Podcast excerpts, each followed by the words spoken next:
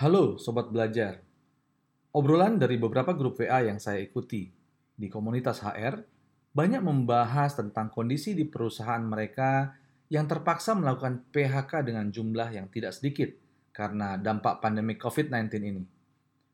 Hal ini didukung juga dari data Departemen Tenaga Kerja yang menyebutkan 2,8 juta tenaga kerja terkena PHK di masa pandemi COVID-19 ini. Sedangkan menurut data perkiraan dari Kamar Dagang dan Industri, terdapat setidaknya 15 juta pekerja UMKM yang ikut terdampak. Saya rasa ini baru yang ketahuan, belum yang tidak terdata atau yang tidak ketahuan. Ya, misalnya seperti usaha-usaha rumahan yang tidak terdata di Kamar Dagang dan Industri ataupun di Departemen Tenaga Kerja. Pastinya angka ini jauh lebih besar dibanding yang sudah tertera. Lalu, untuk mereka yang terdampak, apa yang perlu dilakukan untuk bangkit dari keterpurukan? Bagaimana bisa melanjutkan hidup normal dengan kondisi seperti ini?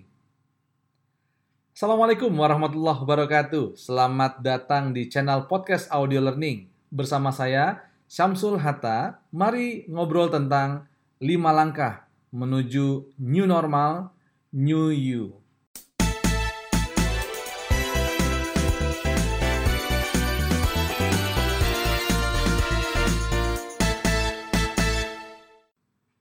Oke, sobat belajar, welcome back di channel podcast audio learning. Sobat belajar, seperti yang saya sampaikan di awal, banyak orang saat ini yang kehidupannya terpuruk akibat pandemik COVID-19 ini. Nah, setidaknya ada lima langkah yang bisa dilakukan untuk kembali bangkit dari keterpurukan. Move on, kembali hidup normal dengan kondisi yang berbeda dari sebelumnya. Itulah kenapa saya sebut dengan New normal, new you. Apa saja lima langkah itu? Mari simak baik-baik. Yang pertama, accept.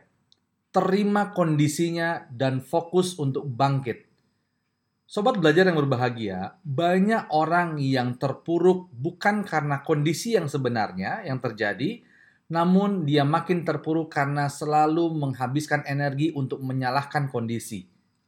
Sekali lagi, banyak orang yang jauh terpuruk bukan karena kondisi yang saat ini ada, namun karena dia kehabisan energi menyalahkan kondisi yang dia alami saat ini.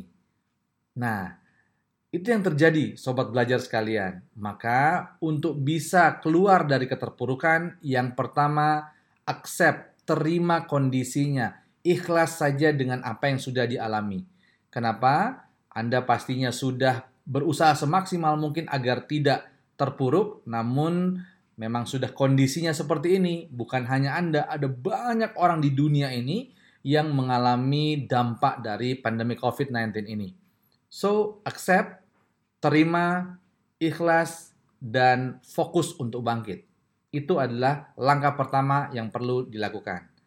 Yang kedua, ini cukup penting, ya, adalah atur keuangan Anda segera. Kenapa? Sobat belajar yang berbahagia, kita belum tahu berapa lama COVID-19 ini akan kita alami, pandemik COVID-19 ini. Nah, maka kita perlu mengatur pengeluaran di rumah tangga kita, pengeluaran di keluarga kita, agar kita mampu untuk bertahan. Setidaknya sampai dengan kita mendapatkan uh, peluang yang baru untuk kita bisa move on Ya, bagaimana caranya? Kalau saya punya tips simple yang sangat sederhana sekali, ya simple ya sederhana ya. Oke, apa itu? Buatlah pengaturan kalau saya menyebutnya survival mode ya, mode bertahan hidup atau apa pun lah namanya.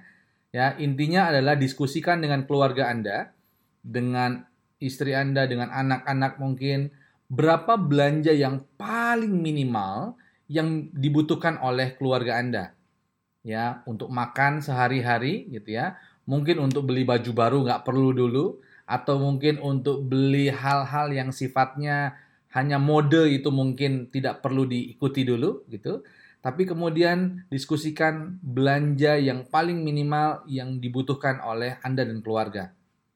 Jika perkiraan saya benar, maka harusnya belanja di mode ini, di mode survival ini atau mode bertahan ini harusnya jauh lebih rendah dibanding belanja normal Anda sebelumnya. Nah, seberapa besar Anda akan menekan pengeluaran pada mode bertahan ini?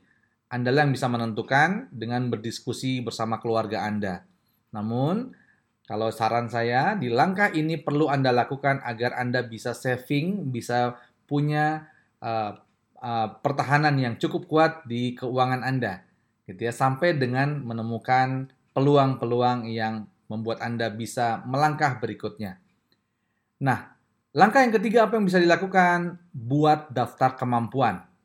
Buatlah daftar kemampuan apa pun yang Anda miliki sobat belajar. Ya, Anda bisa apa saja, tuliskan. Ya, mungkin oke, okay, saya bisa fotografi. Kemudian saya mungkin jago bahasa Inggris. Saya mungkin oke, okay, jago matematika mungkin. Atau wah, saya bisa bikin kue, bisa bikin produk makanan, atau mungkin ya saya uh, bisa bawa motor atau bisa bawa mobil, apa pun itu, tulis saja. Ditulis dulu, dibuat daftarnya. Apa pun yang Anda menurut Anda Anda bisa, bahkan Anda ahli melakukannya. Buat daftarnya. Nah, kemudian setelah Anda buat daftarnya, pilih dari daftar yang sudah Anda buat tersebut, apa saja yang bisa Anda lakukan di masa saat ini yang menghasilkan ya, yang bisa menghasilkan pemasukan untuk Anda. Pilih dari daftar yang sudah Anda buat tersebut, daftar kemampuan Anda, apa yang bisa Anda lakukan saat ini ya di masa saat ini dan menghasilkan pendapatan untuk Anda.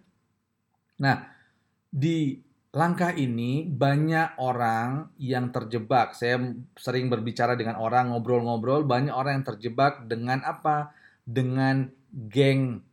Geng apa itu? Gengsi. Oke. Okay. Ya, banyak orang terjebak dengan gengsi. Ah, masa saya kan biasanya kantoran. Kok sekarang malah jualan kue? Enggak, enggak, enggak gitu.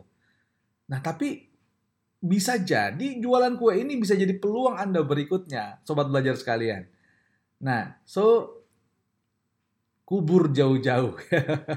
saya tidak bilang simpan ya, justru saya bilang kubur jauh-jauh, kubur yang dalam gengsi Anda tersebut. Karena bisa jadi ini adalah peluang Anda untuk move on, bahkan ini bisa menjadi jalan hidup Anda yang baru. Siapa tahu? So, jalankan saja ya.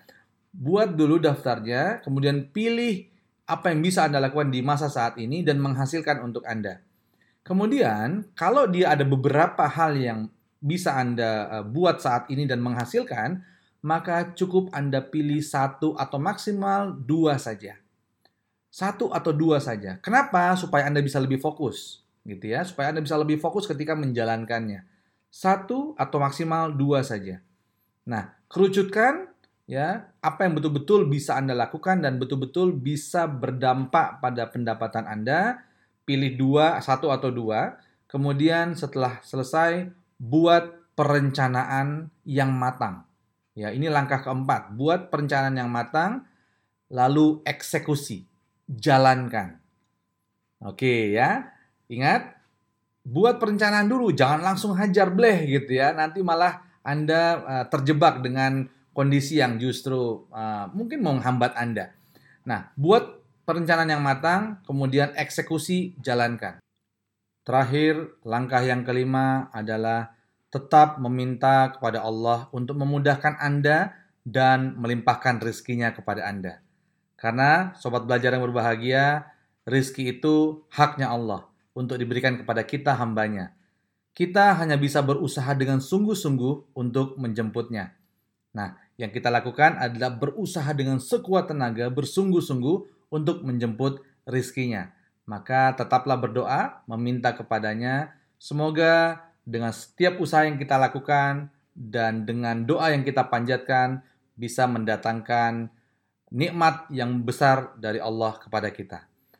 Baik, sobat belajar sekalian, itu yang bisa saya sampaikan di kesempatan kali ini.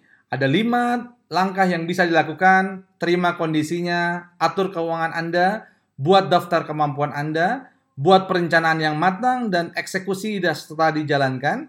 Dan yang kelima, tetaplah minta kepada Allah untuk memudahkan dan melimpahkan rezekinya kepada Anda. Sampai jumpa di podcast audio learning berikutnya. Saya Samsul Hatta. Assalamualaikum warahmatullahi wabarakatuh.